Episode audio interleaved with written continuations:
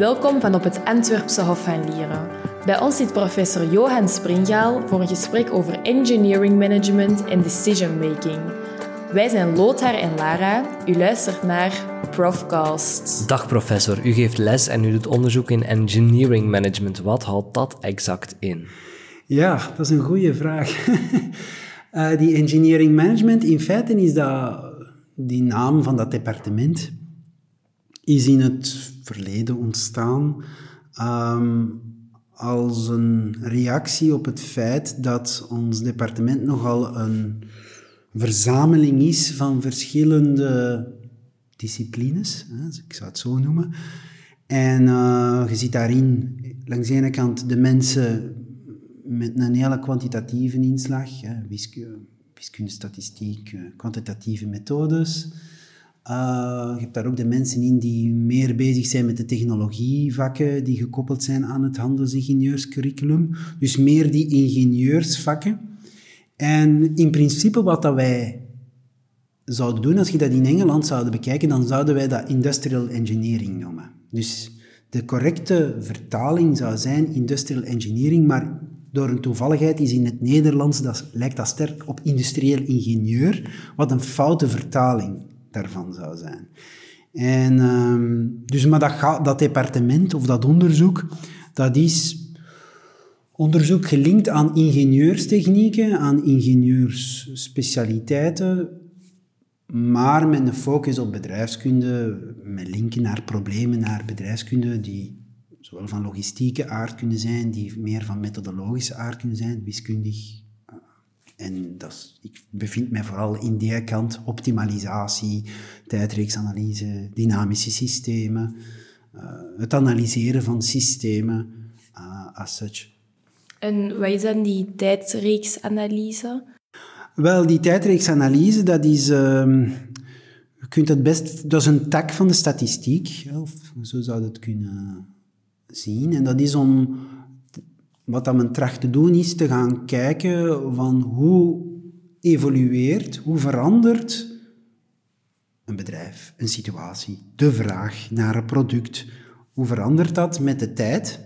En kunnen we die veranderingen voorspellen? En natuurlijk, als je dat heel goed kunt voorspellen, ja, misschien kun je dan daarmee wel geld verdienen. Want als je dat beter kunt dan je concurrent, ja, dan kun je misschien beter inschatten hoeveel voorraad dat je moet hebben. En als je, als je beter de voorraad kan inschatten, bijvoorbeeld in de zomer gaat er veel meer zonnebrillen misschien, of in de lente gaat er veel meer zonnebrillen indoen dan, of aankopen ten opzichte van in de winter. Want in de winter verkoopt je geen zonnebrillen. Dus iets van die stijl. Hoe ga je dat voorspellen? Hoeveel moet ik bestellen?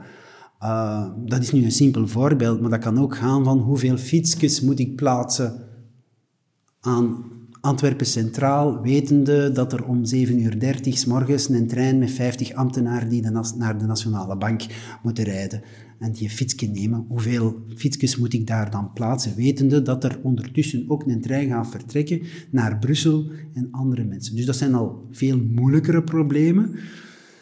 Um, die tijdreeksanalyse dient dus om trachten voorspellingen te maken naar de toekomst toe.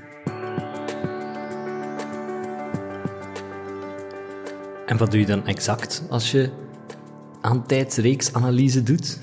Uh, het eerste wat je doet is je data verzamelen en naar je data kijken. dat is altijd het eerste principe. Je, kijkt, je plot je data, je kijkt naar die data. Kunt je daar al een evolutie, een gedrag in zien? Stijgt dat, daalt dat? Hoe stijgt dat? Hoe daalt dat? Stijgt dat lineair, niet lineair, uh, logistisch? Uh, en zijn er dingen die gaan veranderen, waardoor dat die, die evolutie zich niet meer gaat voortzetten en een ander gedrag gaat vertonen? Kan ik bijvoorbeeld het aantal COVID-besmettingen voor de binnen, binnen vijf maanden gaan voorspellen op basis van de gegevens uit het verleden? Op basis van het gedrag uit het verleden. Dat zijn heel moeilijke modellen, omdat dat gaat over het gedrag van mensen natuurlijk. En, maar je kunt wel dingen zeggen, je kunt daar wel uh, een aantal voorspellingen, een aantal golven kun je wel in zekere mate gaan voorspellen. Als je natuurlijk voldoende informatie krijgt. Het eerste is dus kijken naar de data. De volgende stap is simpele analyses doen, basic analyses doen en dan nadien altijd de, model, de modellen moeilijker en verfijnder maken en, en trachten, trachten een zo goed mogelijke voorspellingen te maken, dus de voorspellingfout te verkleinen. Dat is, dat is het idee. Dat zoals het altijd met statistiek is. Ehm, dus dat is wat men in essentie doet. Hoe dat, dat dan technisch in elkaar zit, dat is dan misschien niet geschikt voor dit interview. Dan moet een cursus tijdreeks analyse komen volgen daarvoor, of meer dan één zelfs. Ehm, maar in essentie komt het daar altijd wel op neer. Je tracht een model te bouwen zodanig dat je met dat model de toekomst kunt voorspellen. En, oh ja, dat klinkt een beetje zoals een waarzegger, maar... Ehm, dat ben je ook wel een beetje voor sommige mensen die de technieken niet meester zijn, uh, lijkt dat op waarzeggerij, maar het is ongelooflijk hoe goed je soms de zaken kunt voorspellen als je inzichten hebt. Als je de technieken bemeestert. Dat is wel waar. Maar dat gaat over reductie van, van variabiliteit en stochasticiteit en structuren leren zien. En dat is natuurlijk een, een kunst of een kunde op zich. Hè. Dat is een ambacht. Ehm, en dat is iets dat men kan trainen, maar, maar enkel kan trainen door dat veel te doen. Ja, dat is ook de moeilijkheid om dat aan studenten aan te leren. Bijvoorbeeld, je moet dat doen, je moet dat veel doen. En je kunt aan studenten enkel maar richtlijnen geven. Kijk, dit is de manier hoe dat je dat best leert om dat te doen. En dat is topsport. Je moet veel trainen om een gouden medaille te halen. Daar komt het op neer. Johan Springel geeft ook les over systeemdynamica.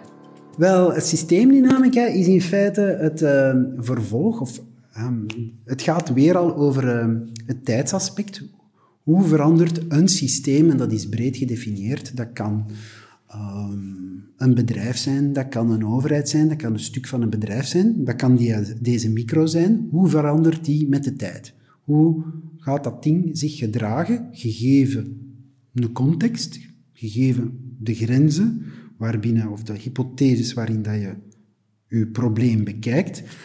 Uh, hoe, ga je, hoe gaat dat systeem evolueren? Hoe gaat dat veranderen met de tijd? En als je weet hoe dat, dat verandert met de tijd, kun je dat trachten te begrijpen dat gedrag van dat systeem en kun je dan trachten beslissingen te nemen over dat systeem. Gestructureerde beslissingen, geen symptomatische beslissingen. Als je dus denkt aan bijvoorbeeld weer al die COVID-19-evolutie. Uh, het volstaat dat je eens naar de website van Cienzano kijkt, daar kun je de data downloaden. Dat zijn heel mooie grafieken. En je ziet die pieken heel mooi volgen. Maar als je daar iets beter naar kijkt, dan zie je altijd dat er een hogere en een lagere piek is, of dat er een soort van begingedrag is. Uh, en ze noemen, opnieuw geven ze dat soms dan, ah ja, we zitten in de exponentiële groei. Maar exponentiële groei, daar zit een bepaalde structuur achter, wat men een positieve feedbackloop noemt. Als je dan een demping krijgt, daar zit een negatieve feedbackloop achter. Dit genre van dit spel van structuren, dat bepaalt volledig het gedrag van een systeem. Het dynamisch gedrag van het systeem. Het is dat wat dat men bestudeert in systeemdynamica. Daar zitten dan differentiaalvergelijkingen achter, daar zit allerlei mooie, plezante wiskunde achter, waar dat ik dan op zit te kikken en studenten mij voor verfoeien. Maar oké, we proberen daar een soort van middenmoot in te vinden in de les om ehm, de studenten voldoende bij te brengen, maar toch ook niet helemaal te overdonderen.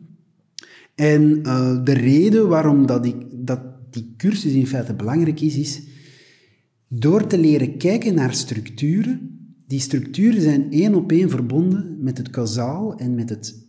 Dus het causale structuur is één op één verbonden met het gedrag van het systeem. En dus als je dezelfde structuur hebt dan zult je hetzelfde gedrag hebben.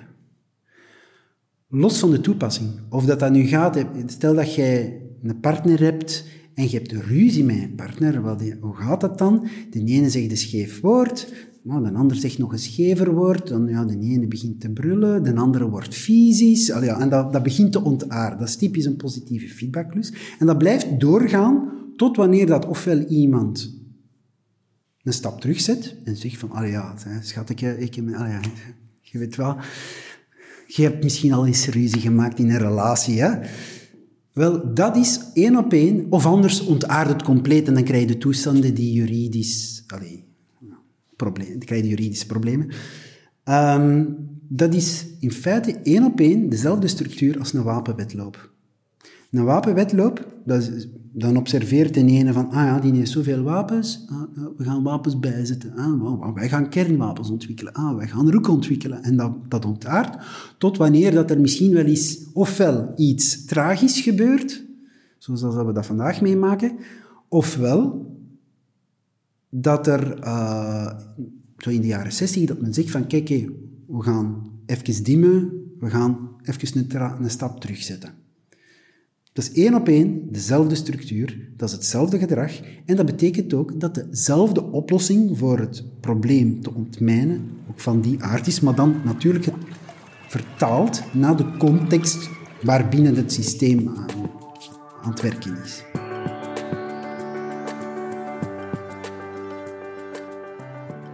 En ook decision making, want u heeft ooit het boek Why Don't We Kiss geschreven. Met als doel uh, ik heb het teruggevonden op het internet, uh, waar nooit dingen verloren gaan, om uh, eigenlijk de gap te verkleinen tussen echte beslissingsnemers in de wereld en dan de theoretische beslissingmodelmakers, zoals ik aanneem dat u er zelf één bent. Ja, dus dat was een... In feite hebben we dat boek geschreven, dat samen met Wim de Keizer, de co-auteur. ja, wij, wij, zowel hij als ik, wij, ik ben verantwoordelijk ook voor het vak operations research of optimalisatietechnieken uh, in de bachelor. Dus daar, dat onderzoek valt ook binnen dat brede domein van operationeel onderzoek of operations research. Um, die, um, en binnen die domeinen vind je vaak heel mooie wiskundige methodes. En ook een van de moeilijkere problemen is, wat als je meerdere functies tegelijkertijd wilt optimaliseren? Je wilt bijvoorbeeld de winst maximaliseren. Of nee, laat mij het voorbeeld nemen. Je wenst een auto te kopen. Ja? Die auto, je wilt het verbruik minimaliseren. Stel benzine, ja, even voor het gemak. We willen, benzine, we willen de zo laagst mogelijke prijs. Uh, je wilt maximaal comfort. Je wilt de maximale kwaliteit, gedefinieerd op een bepaalde manier. Uh, sommige mensen wensen ook wel dat daar een serieuze prestige-uitstraling mee is. Dus je hebt verschillende manieren om naar die auto te kijken. En elke manier dat je naar die auto kijkt, gaat, je op een bepaalde manier optimaliseren. Minimaliseren of maximaliseren. Dat toont ook, en kijk naar buiten, de beste auto bestaat niet. De beste auto bestaat niet. Want je hebt je beperkingen. Hè. Stel als student, je bent misschien niet zo, zo rijk als een prof, zoals ik. en dus, ja, je financiële beperkingen zijn misschien iets groter dan de mijne. Even veronderstellen dat je niet op de lotto gespeeld hebt en, enzovoort. Hè. Normale toestand. Dus dan, ja, is het type wagens die jij misschien kunt selecteren voor u, is een andere verzameling dan de auto's die voor mij zullen gelden. Want ik ben een prof en ik wil misschien prestige uitstralen en whatever. Ja? Dus prestige zal misschien veel belangrijker zijn voor mij dan voor u. Jij wil, je zit al content dat je mij met een auto naar een vijf kunt rijden of eens naar, ja, ergens naartoe kunt rijden. Ja? Zolang dat dat rijdt en niet in pan valt, is dat oké voor u. En dat dat niet te veel verbruikt liefst, is dat, dat is het beste. Aan mij kan het misschien niet schelen, want ja, milieu dat interesseert mij niet. Ik wil vol een bak kunnen rijden op de autostrade, 160 per uur, whatever. Ja, ter informatie, dat is niet waar. Dit is een voorbeeld. Um, dus ja, iedere besluitnemer heeft zijn eigen voorkeuren, preferenties. En dus dat maakt dat dat probleem, dat beslissingsprobleem, heel moeilijk wordt de beste oplossing bestaat niet meer. Dus men moet afstappen van het idee dat de beste oplossing bestaat. Ze bestaat niet. Ehm, maar bestaat misschien wel voor een besluitnemer. Of een besluitnemer kan misschien wel iets doen met een rangschikking van de verschillende wagens. Ja, en dan zeggen van, ja, oké, ik heb nu die rangschikking uh, en nu, ja, nu ga ik er toch wel één selecteren. Misschien niet de beste, want ja, die prijs is toch wel hoog, maar de tweede beste, ja, die prijs is, ja, dat is 20.000 euro lager. Dus ja, oké, dat is wel eens de moeite. Oké, zoiets. Um, en wat is er gebleken? Uh, dus dat, dat valt het veld, noemt multicriteria besluitvorming, multicriteria decision analysis. Dus dat zijn methodes om besluitnemers te helpen bij het maken van moeilijke beslissingen waarbij dan meerdere criteria aanwezig zijn. Wat, wij zijn tot de constatatie gekomen dat er, nou, er bestaan wel 50 of 100 methodes, maar in de praktijk gebruikt geen kat dat moet teleurstellend zijn. Ja, en degene die ze gebruiken, dat zijn dan consultants die werken bij de spin-offs bij de, van de bedrijven, eh, spin-offs, die dan spin-off van die professoren zijn.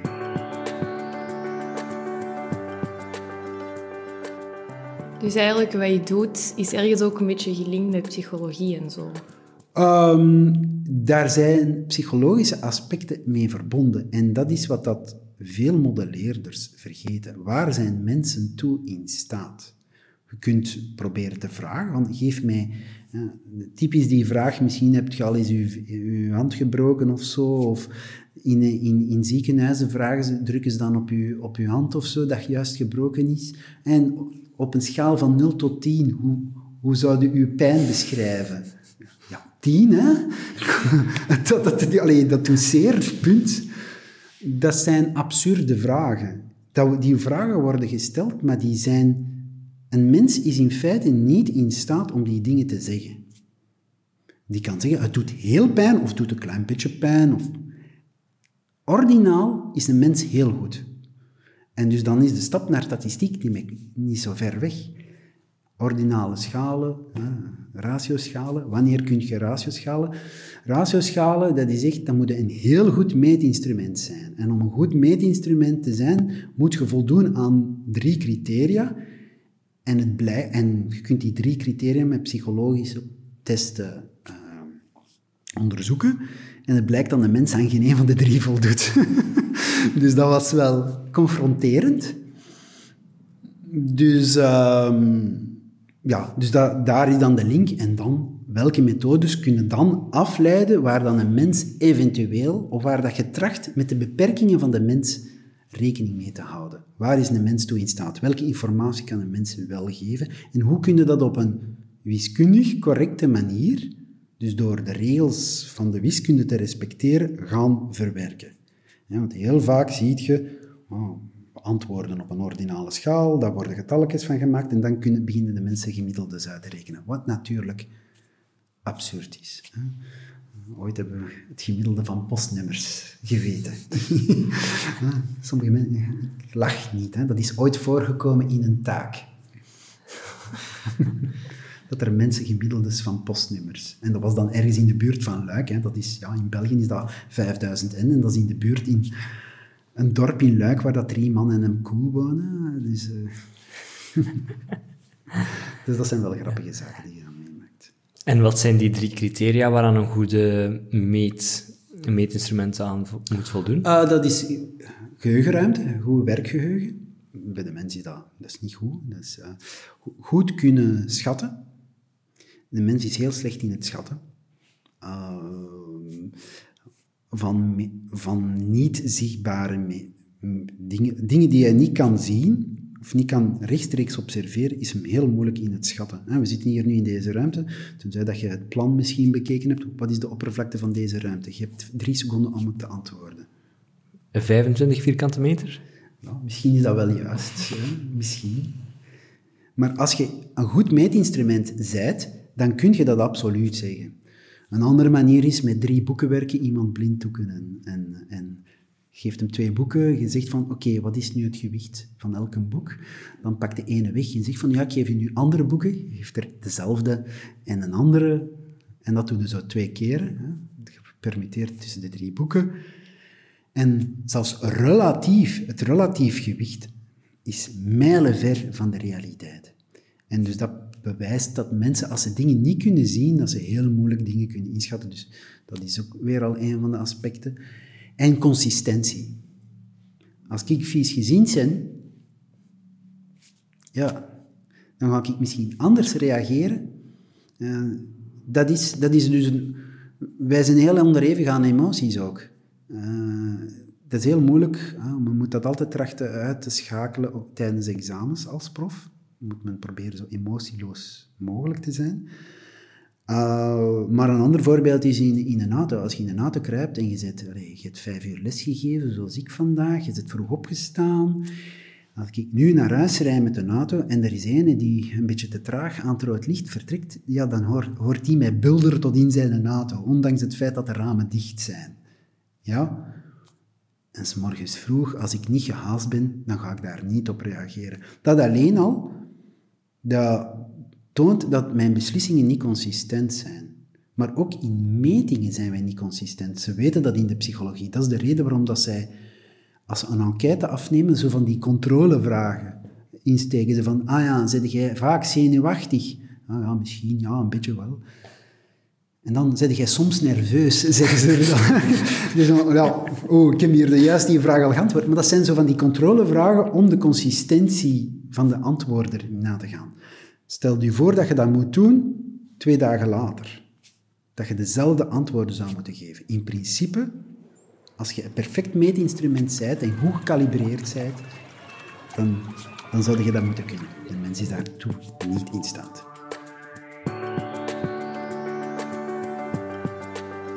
Dus in een artikel van VRT News um, Lazo, dat je hebt meegewerkt aan een onderzoek over de volgende vraag. Moeten we de kerncentrales nu sluiten of niet? dus waarom zouden we het nu wel en niet moeten doen? Wel, dat is een vraag die enigszins uh, achterhaald is, want de beslissing is vrijdag, vorige vrijdag gevallen, hè, op 18 maart.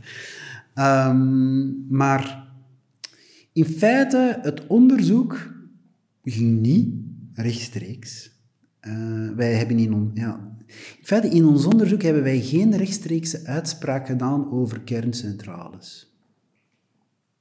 Wij hebben gekeken van, stel er is deze vraag naar elektriciteit in België. We zitten met dit park. Er wordt, stel dat er wordt beslist dat we geen kerncentrales zouden hebben. Hoe kunnen wij, kan er dan voor gezorgd worden dat er geen blackout, wat een zwaar woord is en dat de pers natuurlijk heel leuk vindt om naar voren te brengen, maar zouden wij in de problemen komen? Zouden wij in de Antwerpse haven, lokaal, in de problemen komen? Moeten er afschakelplannen geïntroduceerd worden? Ik denk dat de industrie dat wel op voorhand wenst te weten ja, bepaalde bedrijven kunnen, kunnen niet zomaar stilleggen in van, van de ene moment op de andere. Of je hebt kosten die in de miljoenen euro's lopen. Ja? Um, dus die bedrijven wensen dat wel op voorhand te weten, zodanig dat ze zich kunnen voorbereiden. Bedrijven kan dat, uiteindelijk bedrijven kan dat niks schelen of dat een elektriciteit die zij nodig hebben, of dat dat van een gascentrale komt, of van een kerncentrale, of van een windmolen, of of van mensen die op een fiets staan te trappen, bij wijze van spreken. Dat kan hen geen zak schelen. Maar zolang dat zij zekerheid hebben over hetgeen dat ze nodig hebben op dat moment, daar gaat dat over. En de studie die wij gedaan hebben is van, kijk, met deze techniek, met deze optimalisatiemethode, over op elk uur geoptimaliseerd, dus we hebben een gans jaar bekeken, hoeveel keren komt je in de problemen? Uh, als je geen kerncentrales hebt, als je de beperking oplegt dat je niet meer CO2 mocht produceren, want ja, België heeft een afspraak gemaakt binnen Europa, niet meer dan zoveel ton CO2. Dus als je dat als een beperking oplegt, ja, dan moet je oppassen dat je niet te veel met gas of steenkool gaat elektriciteit maken natuurlijk. Hè. Dus dat levert allerlei beperkingen op, die je zegt van, kunnen wij dan nog wel voldoende elektriciteit genereren voor hetgeen dat er gevraagd wordt? Op elk tijdstip. En dus uit die studie is dan gebleken dat dat, ja, dat, dat toch niet zo evident was. Maar wij hebben in die studie geen enkele uitspraak gedaan over het feit of een kerncentrale open moet blijven of niet. Wij denken enkel maar dat er capaciteit bij moet komen. Zeker als blijkt dat uit die studie, die wel deels preliminair is, dat je soms tot 30% import van elektriciteit nodig gaat hebben en dat het niet gegarandeerd is dat die 30% van je vraag wel aanwezig gaat zijn in het buitenland. Dat ze die gaan verkopen tegen een aanvaardbare prijs. Ehm, dus dan, ja, als je dan in de problemen komt, ja, dan, dan zijn er andere kosten die ermee gepaard gaan. En dus, ehm, natuurlijk is dat ook, heeft dat een bepaalde politieke discussie uh, teweeggebracht. Het was op het moment dat we die studie gedaan hebben helemaal niet duidelijk of die, die scenario-stappen mee in rekening werden gebracht op het moment dat de beslissing ging genomen worden. Om te zeggen van, want een kerncentrale, allez, je doet dat niet maar zomaar open of dicht, hè. Of als je er een nieuwe moet bouwen, ja, dan neemt, dat neemt wel een tijd om, er, om een nieuwe kerncentrale, een kerncentrale van die grootte, bestaan er kleinere die veel sneller, die ze bij wijze van spreken gebeld en ze komen het leveren. ja, nee, dat bestaan er zo'n microcentrales die, die gebaseerd zijn op uh, technologie van atoomduikboten. Uh, Westinghouse heeft zo'n kerncentrale, ik ben hier geen reclame aan het maken, maar het is wel eens interessant voor studenten om daar naar te kijken, naar die website van Westinghouse. En dan kun je perfect als bedrijf je eigen kerncentrale en je warmtevoorziening, elektriciteitsvoorziening koppelen. Ze komen die met een boot leveren, na drie jaar komen ze nieuwe brandstof steken, en dat wordt allemaal voor u geregeld. Dat is ongelooflijk.